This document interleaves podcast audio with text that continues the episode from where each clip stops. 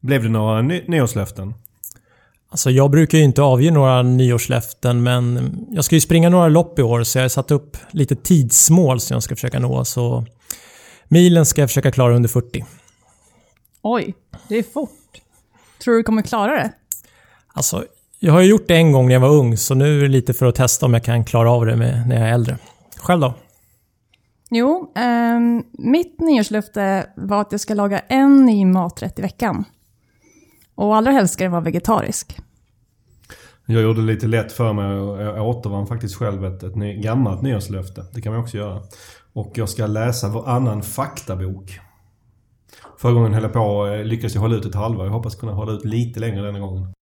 Så vilken blir nästa faktabok?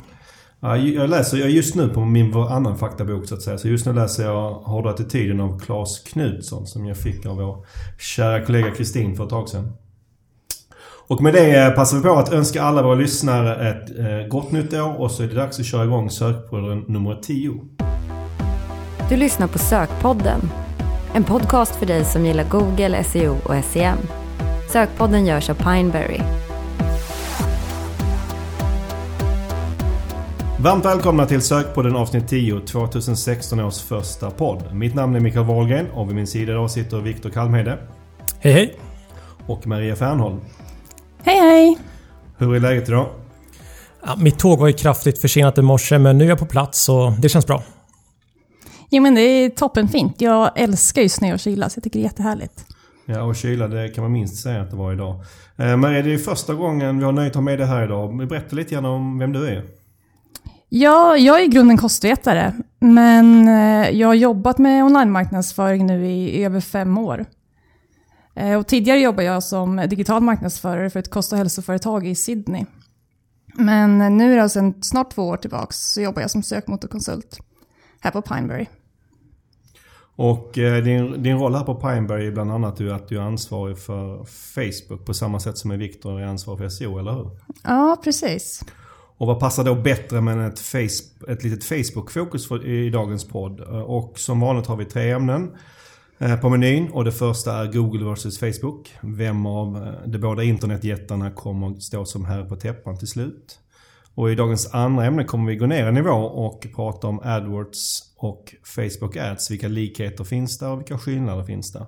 Och så kommer vi avsluta med ett ämne som inte alls har med Facebook att göra utan snarare pingvinen som blev en panda.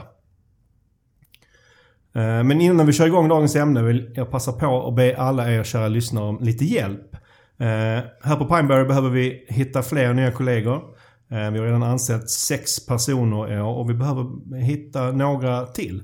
Och vi letar då främst efter sökmotorkonsulter, både juniora och seniora sådana.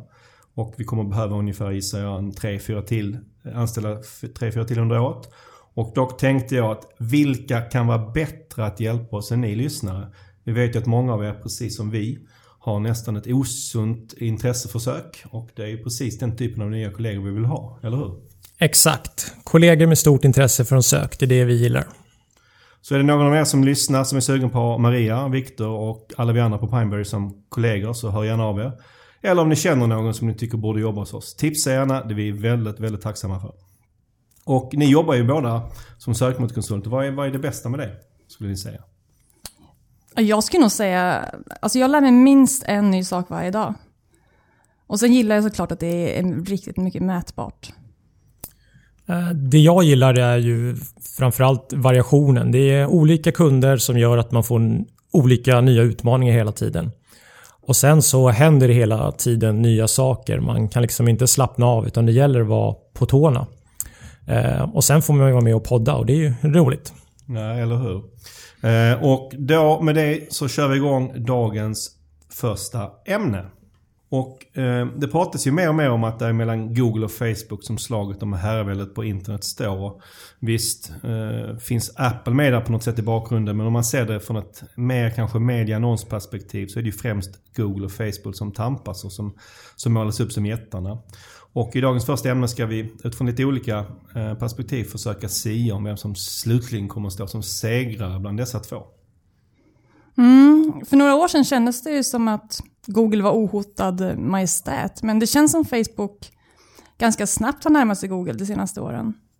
Ser man på rent pengamässigt så är Google fortfarande eh, drygt fyra gånger större än Facebook. Och I alla fall baserat på, på senaste kvartalsrapporten som jag läste. Eh, samtidigt visar den i och för sig att, att Google då bara växte med, med 13% medan Facebooks tillväxt var, var hela 41%. Ja, men det man ska tänka på där är att Facebook börjar på betydligt lägre nivåer och då blir ju lätt tillväxten högre. Och sen ser vi rent på pengarna så växte Google med nästan dubbelt så mycket som Facebook gjorde. Mm, helt rätt. Och tittar vi istället på bolagens marknadsvärde så, så ståtar ju Google med, med dryga 500 miljarder eh, amerikanska dollar. Och eh, Facebook har 280 miljarder dollar i marknadsvärde.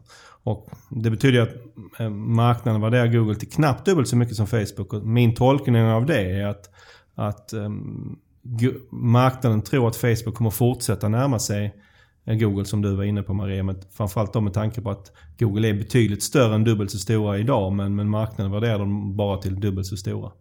Så ekonomiskt är Google fortsatt dominant, även om Facebook börjar närma sig? Och en annan viktig faktor för dessa båda bolag är den mobila utveckling som vi har pratat tidigare om här i podden. Ja, och här är ju Google naturligt starka med Android men även med Chrome, och, eller med Chrome. Och det gör ju att de får en hyfsad kontroll över det mobila söket. Och det är ju väldigt viktigt för dem. Samtidigt ska man inte glömma att Google har problem att tjäna lika mycket pengar per googling i mobilen som på datorn. Och det är ju någonting som vi vet att de brottas med. Ja, och här är ju nästan tvärtom för Facebook som tjänar mer än 70% av sina intäkter från annonser i mobilen. Och där har ju appbeteendet varit en stor fördel för dem. Och jag tycker nästan att det är så att man hellre använder Facebook-appen även fast man sitter framför datorn. Ja, precis så. Ehm, man kan väl ganska enkelt säga kora Facebook till vinnare när det gäller mobilutveckling, i alla fall än så länge. En annan intressant aspekt kring Google och Facebook är att de har ju väldigt olika tillväxt och förvärvsstrategier. Och just eh, kring förvärv eller, eller hur, vilka områden de ska växa inom, det är ju sånt som egentligen enkelt skulle kunna ändra maktbalansen om någon av bolagen träffar helt rätt. Ja, och där, Eh, Googles strategi blev ju tydlig förra året när de gjorde om bolaget till Alphabet och det pratade vi om i, tidigare här i podden.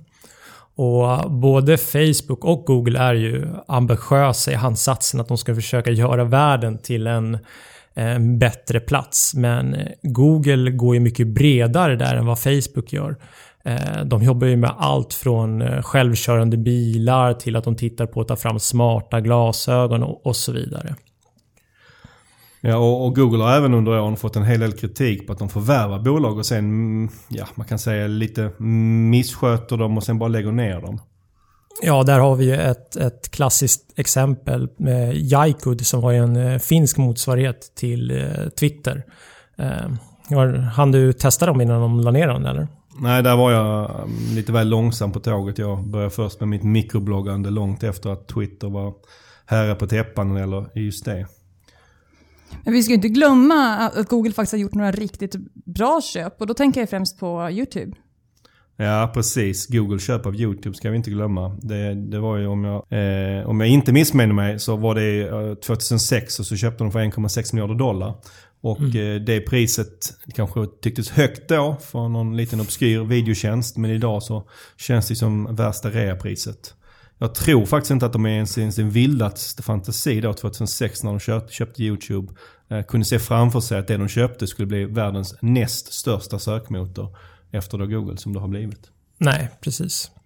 Eh, men sen så köper ju Google bolag där motiven är väldigt svåra att förstå för oss som är utanför. Eh, de köpte ju till exempel Motorola för något års, år sedan, eller och för ett, något år senare då eh, sälja det vidare till Lenovo med en brakförlust. Alltså. Ja, när de köpte Motorola så kanske man tyckte det, det var lite konstigt då, Motorolas mobildivision. Um, men i och för sig var Motorola mer eller mindre konkursmässiga. Och, och det som Google, det sades att Google ville åt då var olika patent. Uh, som brukar vara värdefulla i kriget där om herraväldet på, på, på mobiler och på internet. Mm. Och, och sen när, då, när det såldes så spekuleras det att själva syftet var att bygga upp en motpol till Samsung inom eh, ekosystemet. Eller få, för att få ett bättre ekosystem inom Android. Och att det då skulle vara värt att ta en förlust på 10 eh, miljarder. dollar som förlusten innebar. Eller som försäljningen innebar. Ja, och, och det kanske det är. För vi har redan pratat om hur viktigt Android är för deras försöket mm. och för deras framtida intäktsmöjligheter. Och eh, det skulle inte förvåna mig heller att, att, att, att det är sådana här skäl som vi inte själv kan tänka ut. För det är ganska smarta, både män och kvinnor som sitter där borta i Mountain View och tänker ut saker åt Google. Mm. Och Facebook har ju å andra sidan ett uttalat fokus att inte vilja göra allt utan snarare några få saker som ligger nära kärnaffären. Jag läste en lång men väldigt intressant artikel eh, om just Facebook i eh, Fast Company nyligen. Där det var, det var väldigt tydligt att, att de inte vill göra många saker utan istället vara väldigt fokuserade på det de gör. Ja, och där är det ju ganska stark kontrast mot alfabetupplägget som Google nu kör. Och face, Facebooks förvärv av, av Instagram och WhatsApp känns ju både smarta och, och, även helt i linje med deras strategi om att ligga nära kärnaffären. Ja, och där passar ju även in den misslyckade förvärvet av Snapchat.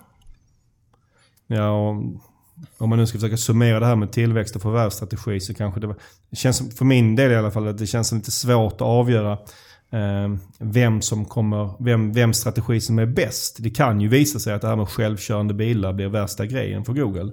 Men min känsla säger mig ändå, liksom, om man är i alla fall lite mer så försiktig, att, att, att Facebooks strategi känns ju kanske lite klokare. Ehm, och en annan, en annan sak man kan fundera på i det här eh, kriget om herraväldet mellan Google och Facebook, det är vem som har bäst grepp om sina användare. Ja, alltså det är de ju båda väldigt bra på. Eh, just i att knyta sina användare nära. Men, men kanske är Facebook ja, men lite bättre. För många av oss är ju internet numera synonymt med Facebook. Och för många användare är Facebook en kritisk del av deras liv. Och, och där kan jag nog räkna in mig själv.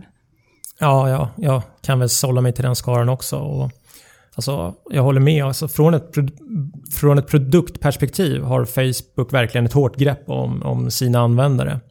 Och Google, om vi då ser till själva sökmotorn, alltså, så har de ju knutit upp användarna extremt starkt eh, kring varumärket. Och som i och för sig kommer från eh, en, en stark produkt i, i grunden. Att, att söka idag på nätet har ju blivit synonymt med Google. Vi säger ju till och med googla när vi ska söka på, eh, på internet. Så även om det skulle dyka upp en, en bättre sökmotor från ett rent produktperspektiv eh, så är vi alla, fast, vi är i alla fall kvar vid det här varumärket Google. Det har satt sig. Ja, ett, ett bra exempel på det tycker jag är, är, är Bing. Det är ungefär 3% som använder Bing i Sverige. Och vi träffar ju väldigt ofta på folk som använder Bing men egentligen tror att de är på Google. Eh, och det visar om inte, om inte någonting annat hur starkt Googles var, varumärke är. Och med detta vill jag inte egentligen säga att, att, att Bing är en bättre sökmotor än Google, för det är den inte på långa vägar. Nej, precis. Intressant, men om vi backar lite tillbaka till själva ursprungsfrågan nu. För nu har vi pratat om det här från lite olika vinklar. Vem av Google och Facebook tror ni är herre på täppan om vi säger, låt säga om 10 år, 2025? Alltså, drygt 10 år blev det 2016. Ja, ja precis. Eh, nio år. Eh, mm.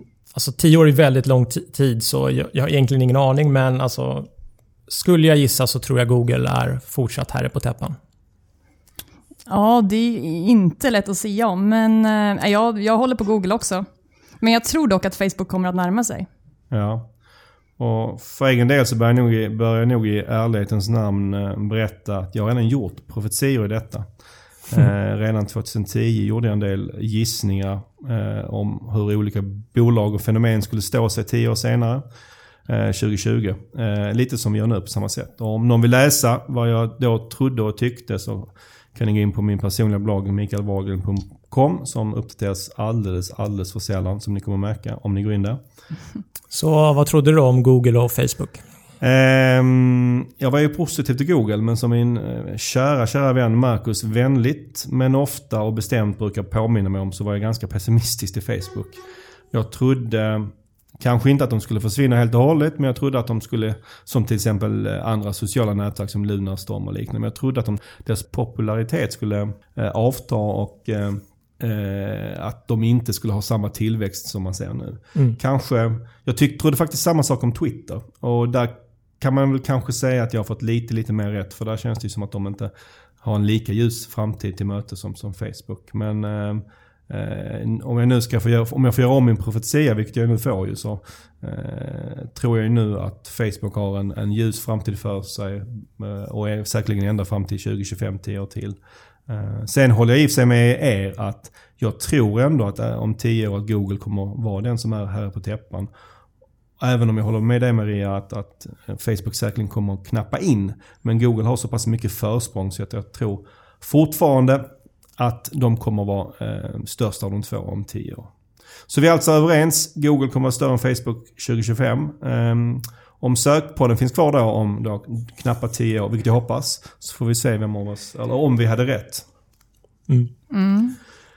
Nu har vi pratat lite om Googles och Facebooks eh, kärnaffär och det som gör ju att de båda bolagen tjänar så mycket pengar som de gör är ju AdWords respektive Facebook Ads. Vilket för oss osökt in på dagens andra ämne. Och eh, det vi tänkte prata om här är att AdWords och Facebook har ganska mycket likheter och en hel del olikheter. Eh, och jag tänker att vi kan väl börja med att berätta lite om varför vi på Pineberry börjar erbjuda våra kunder hjälp med Facebook Ads. Just det. Det var ju för snart eh, ett år sedan som vi förvärvade en mindre Facebook-verksamhet och den har vi byggt vidare på sedan dess. Ja, huvudanledningen till att vi gjorde det här var att vi såg en stor efterfrågan bland våra kunder. Att, att synas på Facebook som ett komplement till Google. Ja, och att, att annonsera på Facebook handlar i motsats till vad en, en del tror nästan lika mycket om att driva försäljning som Google. Ja, det är ju många som tror att Google handlar om försäljning och Facebook handlar om branding, men så är det ju nödvändigtvis inte. Nej. Ja, jag tror detta är en liten kvarleva och det beror lite på att många kanske har skapat och använt sina företagssidor på Facebook primärt i ett brandingsyfte och att detta lever kvar. Ja, och nu går det ju knappt att nå ut organiskt på Facebook längre, eller hur? Nej, Facebook har ju faktiskt nästan strypt den möjligheten helt och hållet. En, en undersökning som gjordes på några företagssidor i, i, USA visar att man i snitt bara kan nå ut till 6% av sina följare organiskt på Facebook. Och har man några färre följare så behöver det kanske inte bli lika extremt, men, men det visar ändå på hur pass svårt det är för företag att eh, nå ut till organiskt. Det vill säga om de inte får ett, ett oerhört stort engagemang för det de, de postar. Då, då. Och den här undersökningen den börjar visserligen bli lite gammal, men jag tycker ändå att den är intressant och, och relevant. Ja, och och det här att, att det inte går att nå ut organiskt som företag eh, på Facebook, det, det hör vi ju väldigt ofta och jag hör det väldigt ofta. Senast faktiskt för några dagar sedan, där det var, då fick vi faktiskt en lyssnarkontakt här till Sökpodden eh, just angående detta. Och det var Christian som hörde av sig och han driver den populära podden Sinnessjukt. Och eh, han konstaterade trots att han byggt upp många följare på Facebook då kring sin podd så behöver han nu rent krasst annonsera för att få nå ut, nå ut på Facebook. Ja, en, en, en, annan kul detalj med Christian är att han tidigare gjort en podd som hette Psykpodden. Och de första månaderna när efter vi hade lanserat sökpodden, så när man googlade på sökpodden så trodde Google att man hade stavat fel och föreslog då eh, psykpodden istället. Ja, det, det, det kommer jag faktiskt ihåg. Det var, det var väldigt lustigt när det hände, hände. Och då visste jag inte ens om att det fanns en, en, en podd som hette Psykpodden. Men det, det, blev vi ganska snabbt varse. Eh, tänk om, kan vi tänka oss det här? Tänk om Google hade gjort motsvarande förändring som Facebook då har gjort de senaste åren. Om vi, om vi använder samma siffror. Att, tänk er att endast 6% av sökresultaten på Google eh, skulle vara organiska. Vad skulle hända då? Ja, till att börja med så skulle vi kunna säga att SEO är död. För då skulle det finnas eh, belägg för det. Och det är ju någonting som brukar ju skrikas ut i tid och otid, minst sagt. Mm, att SEO är död, ja. Mm. Ja, precis. Uh, men sannolikt kommer det här ju aldrig hända. Google kommer inte dra det så långt. Även om de såklart har börjat testa gränserna som vi pratade om senast i förra podden. Med till exempel fyra annonser, toppannonser högst upp. Eh, men om Google skulle gå för långt så skulle användarna slå bakut. Det är jag ganska övertygad om. Men för Facebook är det ju lite tvärtom. Facebooks officiella anledning till att man har minskat möjligheten för företagssidor att nå ut. Eh, det är ju att användarna inte helt enkelt vill se det i sina flöden. Och det, det stämmer ju säkert, i alla fall till viss del. Mm. Ja, alltså så är det ju säkert, men, men det, är, det är troligtvis inte enda anledningen. För det gör ju att företag behöver annonsera istället, precis som Christian konstaterade. Ja, och är man då lite konspiratorisk som ibland är, är här i sökpodden Mm. så handlar det om att, att, att såklart om att Facebook vill tjäna mer pengar. Ja, så är det. Och med det vill jag en, en förtydliga och säga att, att när det gäller den här typen av frågor att företag vill göra det för att tjäna pengar så, så är det inget fel det. Tvärtom, det är helt rätt. Eh, jag anser att det är en, eh, en Facebooks skyldighet att försöka växa och tjäna pengar och vara lönsamma. Så att jag förstår att de gör, har gjort den här förändringen. Ja, och och nu när den organiska synligheten för Facebook eh, ersätts av betalda annonser så är det också naturligt att det blir ännu mer fokus på just eh, annonsering.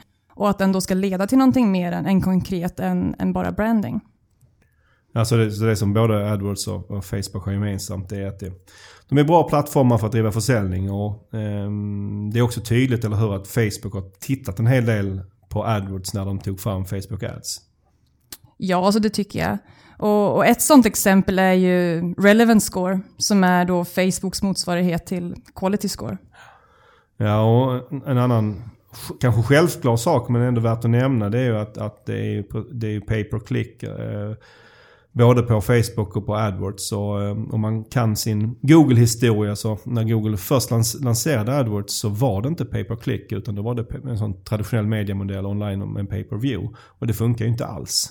Eh, och det var ju först när de växlade över till pay per click som, som AdWords tog fart. Då. Det är jag helt övertygad om att Facebook har tagit hänsyn till när de tog fram Facebook Ads. Ja, alltså det håller jag med om. Och och just att det är PPC på Facebook är ju en viktig anledning till att, att det går att använda den som en, en bra säljkanal. Mm. Och en annan likhet, som kanske inte är en så rolig likhet, men det är ändå en likhet, det är att båda systemen är krångliga att använda, eller hur? Ja, um, ja det är ingen barnlek att sätta sig in i hur, hur det fungerar. Men, um, men här måste jag ändå säga att även om AdWords är krångligt så har de kommit mycket längre systemmässigt. Um, och det är i och för sig inte så konstigt med tanke på att de har funnits längre. När du då eh, i princip dagligen jobbar i Facebook Ads, vilka är, vilka är de sakerna du saknar absolut mest? Ja, alltså till exempel så går det inte att sätta frekvenstak på hur många gånger en annons ska visas för en användare. Och budgeterna, att de sätts på adset-nivå, vilket då är ungefär motsvarar annonsgruppnivå i AdWords, gör det också ganska svårt att hålla koll på, på budgeten och kostnaden. Ja precis, på, AdWords så sätts ju budgeterna istället en nivå upp på kampanjerna. Ja, precis. Och det, och det är bättre, även om det inte är perfekt. I, I AdWords har man ju också möjlighet att, att dela budgetar mellan kampanjer. Och det, det är en smidig funktion som saknas i Facebook. Och, och det också gör det lite krångligare då att hålla reda på kostnaden och hur mycket man spenderar. Är det något mer som du stör dig på i Facebook Ads? Ehm, ja, till exempel att man inte själv kan bestämma hur annonserna ska roteras, utan det bestämmer Facebook med sin algoritm. Och jag tycker inte att det gör att man alltid får ett bra underlag för hur annonserna presterar, som man då kan få på AdWords. Det, alltså det finns ju sätt att komma runt det här, men jag tycker ändå att det kunde göras på ett smidigare sätt. Sen saknar jag eh, i Facebook, det saknar jag väldigt mycket, att man inte kan jämföra mellan tidsperioder på ett enkelt sätt. Nej. Och det här, är- alla de här är ju bra exempel på var, varför, varför vi vet att det är ganska vanligt att använda olika former av tredjepartsverktyg för att sköta annonsering på Facebook. Ehm, Mm. Ja, precis. Och man har heller inte samma möjligheter i Facebook att sätta optimeringsregler som vi då har i i AdWords och använder väldigt mycket. En annan likhet är ju att själva annonsen är extremt viktig på både Facebook Ads och i AdWords. Så att man måste lägga mycket tid på att testa fram vilka annonser som presterar bäst. Ja, det håller jag med om. Och om möjligt så är faktiskt annonsen ännu viktigare på Facebook eh, än vad den är på AdWords. Och nu har vi pratat eh, om några olika likheter som finns mellan AdWords och Facebook. Men det finns en hel del saker som är olikt, eller hur? Mm. Ja, det kanske mest eh, självklara och samtidigt även det, det viktigaste är ju att på, på Google annonserar du mot sökord och på Facebook mot eh, målgrupper. Så när du googlar så kan du som annonsör förstå när någon ligger nära ett köp. Du gör ditt intresse mycket tydligt. Eh, Facebook å andra sidan vet ju väldigt mycket om sina användare. Eh, och det kan du ju använda dig av som annonsör. Men du hamnar ändå oftast högre upp i säljtratten. För även om du hittar någon som är intresserad av möbler så vet du inte om, om hen vill köpa en soffa just nu eller inte. Och det kan du ju faktiskt eh, veta på Google. Mm, precis, men hur, hur tycker du man ska ta hänsyn till det här som, som annonsör? Det beror ju lite på vad man säljer. Um, säljer du något där beslutsprocessen är kort, som säg parfym, då spelar det inte så stor roll. Men säljer du någonting där man kanske måste tänka en stund innan man, man gör ett köp, till exempel med inredning. Det, kanske, det är svårt att sälja soffor till exempel direkt från flödet. Det är ingenting man spontanköper. Du brukar inte spontanköpa en soffa i flödet? Nej. Inte, inte du heller Viktor? Nej, det har, jag, det har jag inte gjort än så länge. Vi får se. Nej. Um, nej. Nej men precis, så då, då kanske man ska tänka på vad, vad kan man ha, hitta för produkter där, de, där man kan spontanköpa. Det kan ju till exempel vara då, i det här fallet, billigare kampanjvaror eller eh, kanske inredningsprodukter. Mm. Ja, ibland så behöver man ju då i det läget som annonsör kanske ta ett steg tillbaka i, i sin egen säljprocess. Och jag, har, jag tycker vi har ett bra exempel för oss själva på Pineberry. Vi säljer, jobbar ju B2B och vårt mål med vår annonsering på AdWords det är att få offertförfrågningar. Mm. Men det, det, det, funkar ju inte alls på Facebook att köra samma upplägg för det är ingen som är beredd, har kommit så långt så att de vill begära en, en offert direkt från flödet. Mm. Även om det skulle vara bra och trevligt om det vore så. Mm. Nej, nej, just det, precis. Men, men däremot så har det faktiskt funkat eh, väldigt bra att bjuda in potentiella kunder till seminarier via annonsering på Facebook. Och, och, där kan ju då seminariet sen i sin tur leda till offertförfrågningar. Och jag tycker det är ett, ett bra exempel på att ta ett steg upp i säljtratten. Ja, och, och det, här, det intressanta med det här är också att, att, bjuda, att bjuda in till seminarium som vi har lyckats då väldigt bra med på Facebook. Det hade ju aldrig fungerat via Google. För det är ingen som söker efter seminarium inom SEO eller AdWords eller Facebook eh, på Google. Eller i alla fall väldigt få. Så i, i ganska många lägen så kompletterar ju AdWords och Facebook varandra väldigt väl. Ja, så är det. Och eh, en, en annan olikhet, som, och det har vi pratat om här tidigare i sökpodden, det är ju attributionen. Ja, denna kära attribution. Och där har ju Facebook en betydligt generösare syn än, än om man då jämför med Google Analytics till exempel. Ja, och där kom ju Google att ändra på hur de ser på attribution i Analytics under året. Och det är något som vi eh, nämnde i förra podden. Och enligt Google så är det en av de, eller de stora sakerna som är på gång under 2016. Ja, alltså det är ju inte, det är inte långsökt att tro att de kanske kommer titta lite grann på hur de gör på Facebook. Ja, och just attribution är ju faktiskt ett ord som jag tror vi kommer att prata mycket om i sökpodden under 2016. Ja, så kommer det nog vara. Och en annan viktig skillnad på AdWords och Facebook Ads för oss som byråer då. Det är egentligen hur Google och Facebook ser på oss som just byråer. Ja, ja, det är ju lite som natt och dag. Ja, och för numera eh, så ser Google oss byråer som extremt viktiga samarbetspartner och en viktig del i deras tillväxt. Och vi får väldigt bra hjälp och support av dem som jag även har pratat om här tidigare i podden. Och det är vi väldigt tacksamma och glada för.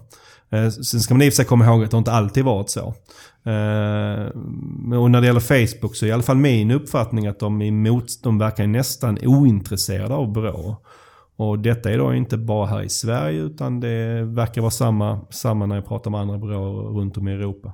Och Facebook är väl kanske där Google var för fem år sedan när det gäller hur de hanterar sina byråer. Och, och vi får väl hoppas att, att de gör samma resa som Google har gjort. Ja precis, i alla fall för vår, för vår del. Och sen tror jag i och för sig att det är ganska klokt, Googles eh, eh, fokus på byråer. För över 50% av deras intäkter på AdWords eller via AdWords kommer just via byråer. Så det är ju ganska klart eh, att det är ganska smart att ha en bra relation med de som sitter på 50% av ens, ens intäkter. Jag vet inte faktiskt vad motsvarande siffra är för Facebook, hur mycket som kommer via byråer. Men är det någon som där ute vet, vet den siffran så får ni gärna höra av er. Det skulle vara intressant att veta. Mm. Uh, innan vi avslutar detta ämne och går över till att prata pingviner och pandor. Vad uh, skulle du säga Maria? Vad är dina tre tips för att lyckas på, på Facebook? Eh, ja, alltså jag skulle säga att man, man testar, många, testar många små nischade målgrupper. Och sen att man då är ganska snabb med optimeringen och pausar det som inte presterar. Och sen då framförallt att man eh, allokerar budget till det som presterar. Mm. Mm, sen, sen tycker jag faktiskt att man ska lägga tid och energi på att skapa riktigt bra annonsmaterial. Um, och då, någonting som, som man ska tänka på där är att, att ofta sitter man och designar på en, en stor skärm. Men uh, den potentiella kunden ser ju i, i cirka 90% av fallen annonsen på en mobil. Så det är viktigt att annonsen är anpassad så att bild och budskap blir betydligt för användaren. Mm, precis. Har du något tredje tips? Um, ja. Alltså, lägg tid på att utvärdera annonseringen. Och då tänker jag alltså både i Facebook-gränssnittet men även i Analytics. Um, och som, som vi nämnt är ju attribueringen hel, helt annorlunda och det finns sannolikt inget rätt svar men genom att utvärdera på båda ställena får du en, en bättre ja, men helhetsbild över hur annonseringen faktiskt går. Vad bra, och då lämnar vi Facebook-fokuset eh, för dagen och går raskt över till dagens sista ämne som handlar om pingvinen som blev en panda. Det har ju varit stökigt i det organiska sökresultatet ett tag, eller hur? Ja, eh, det var ju lugnt ett bra tag under 2015 men sen eh, strax före jul så började det hända en del och vi såg stora rörelser i sökresultatet. Och vi, vi följer ju många sökord och såg hur det gick upp och ner från den ena dagen till den andra. Eh, och att det eh, var förändringar och som sen gick tillbaka. Och det hände två, tre gånger strax före jul. Ja, det verkar lite som Google då, var ute och testade någonting och någon större förändring och sen för, dag, för att dagen efter att de hade testat sen backa tillbaka bandet på något sätt. Ja, precis. Och sen nu i början på det här året så har det ju skakat igen och nu beslutet ännu lite mer. Ja, och, och, vill ni se en, en bild på hur mycket rörelse det var så kan ni kolla in Viktors bloggpost. Ja, det är bara att gå in på sökmotorkonsult här och läsa mitt senaste inlägg så efter ni har lyssnat klart. Mm, precis, ni får inte gå in redan nu. Vänta till ni har lyssnat klart. eh, och många spekulerade då i att rörelsen gällde att Google rullade ut Pingvin 4.0 som den kallades. Ja, det, det fanns ju en hel del skäl till att tro det. Dels har ju Google sagt att det ska komma en ny pingvin, att den ska vara på gång och eh, vi alla går och vänt, väntar på den och det var ju lovat under 2015 men det dök inte upp. Eh, sen när det är så här pass stora rörelser så måste det vara, ja, det är någonting väldigt stort som händer och då, eh, då kan det vara eh, när, eh, då kan det ju vara en pingvin. Det är en av de få saker som kan orsaka de här stora rörelserna. Men det var ju inte helt självklart att det var en pingvin, eller hur? Eh, nej, det, det, det, det, var det inte. Utan vi såg, det fanns tecken på att det skulle kunna vara det. Det fanns, var mycket rörelser på ord eller segment där det är hög konkurrens. Och det brukar kunna indikera på att det är någonting som har med länkar att göra. Men vi såg också stora rörelser på sökord där det är låg konkurrens. Mm. Eh, och det gjorde oss, nej, det är inte helt övertygade om att det var en pingvin. Eh, och sen så såg vi även rörelser på sajter som inte bör drabbas av en pingvin eftersom de inte har någon, någon länkproblematik vad vi kan mm. se. Och som vanligt när det händer sådana saker fick ju Google väldigt mycket frågor kring vad som hade hänt. Och I början så körde de lite silent treatment. De berättade inte vad som hade hänt alls. Nej. Och sen när de började snacka lite så, så, så svarade de nästan eh, med dryga kryptiska svar. Och det jag inte riktigt förstår, alltså varför i de här lägena är inte Google tydlig och vad har de att förlora på att vara mer transparent om algoritmen? Ja, det är en bra, bra fråga. Jag förstår faktiskt inte det heller. En anledning, anledning kan ju säkert vara att de inte vill att man ska tänka så mycket på SEO. De vill ju att man inte ska försöka Eh, påverka algoritmen och genom att eh, vara kryptiska i sina svar så gör de ju arbetet svårare för oss som jobbar med SEO. Mm. Google eh, vill väl hellre att vi ska fokusera på att köpa AdWords än att fundera så mycket kring algoritmen. Mm, nu var det sådär konspiratoriskt igen. och det är ju helst, du har helt rätt, de tjänar ju inga pengar på, på SEO. Nej, och, och sen så tror jag samtidigt att de inte är helt medvetna Alltså det är inte en medveten strategi att alltid att vara otydliga. Eller jag hoppas i alla fall inte det. Nej, eh, skämt åsido så vill man ju inte tro att de medvetet sysslar med någon form av desinformation. Som man i och för sig i vissa lägen skulle kunna tro att de gör. Ett intressant exempel på deras kommunikation kring algoritmen är ju Mobilegeddon förra året. Ja, och då fick vi ju information månader i förväg, vilket var unikt. Och de var mm. väldigt tydliga med att om du inte mobilanpassar din sajt, då kommer din synlighet försämras avsevärt, så gör det nu. Ja, och så blev det ju inte. När Mobilegeddon kom blev det väldigt små förändringar i sökresultaten. Men Google fick ju ändå som de ville väldigt många mobilanpassade i sina sajter. Nu när det har varit väldigt mycket rörelse jämfört med Mobilegeddon så säger Google istället bara kryptiska saker. Och det är ju säkert för att de inte tror att det gynnar dem att vara tydliga på samma sätt som de var under Mobilegeddon. Precis, men nu till slut så gick de ju faktiskt ut och berättade kring rörelserna som hade varit här i början av året och vad, det var, eller hur? Ja, eh, förra veckan efter mycket om och men så bekräftade de att de hade gjort vad de kallade en core update. Mm. Core update, det är ju nästan lika kryptiskt det. Ja, det är ju inte speciellt tydligt, men eh, min men med tolkningen att de har gjort någon, en större uppdatering av eh, algoritmen och sannolikt så berör det flera viktiga delar i, i algoritmen, både länkar och innehåll. Och i sann Google-anda för att förvirra lite ännu mer så gick de samtidigt ut med att pingvinens kusin pandan hade blivit en permanent del av så att säga huvudalgoritmen om man kan kalla det det. Tidigare hade ju pandan kört som en separat algoritm.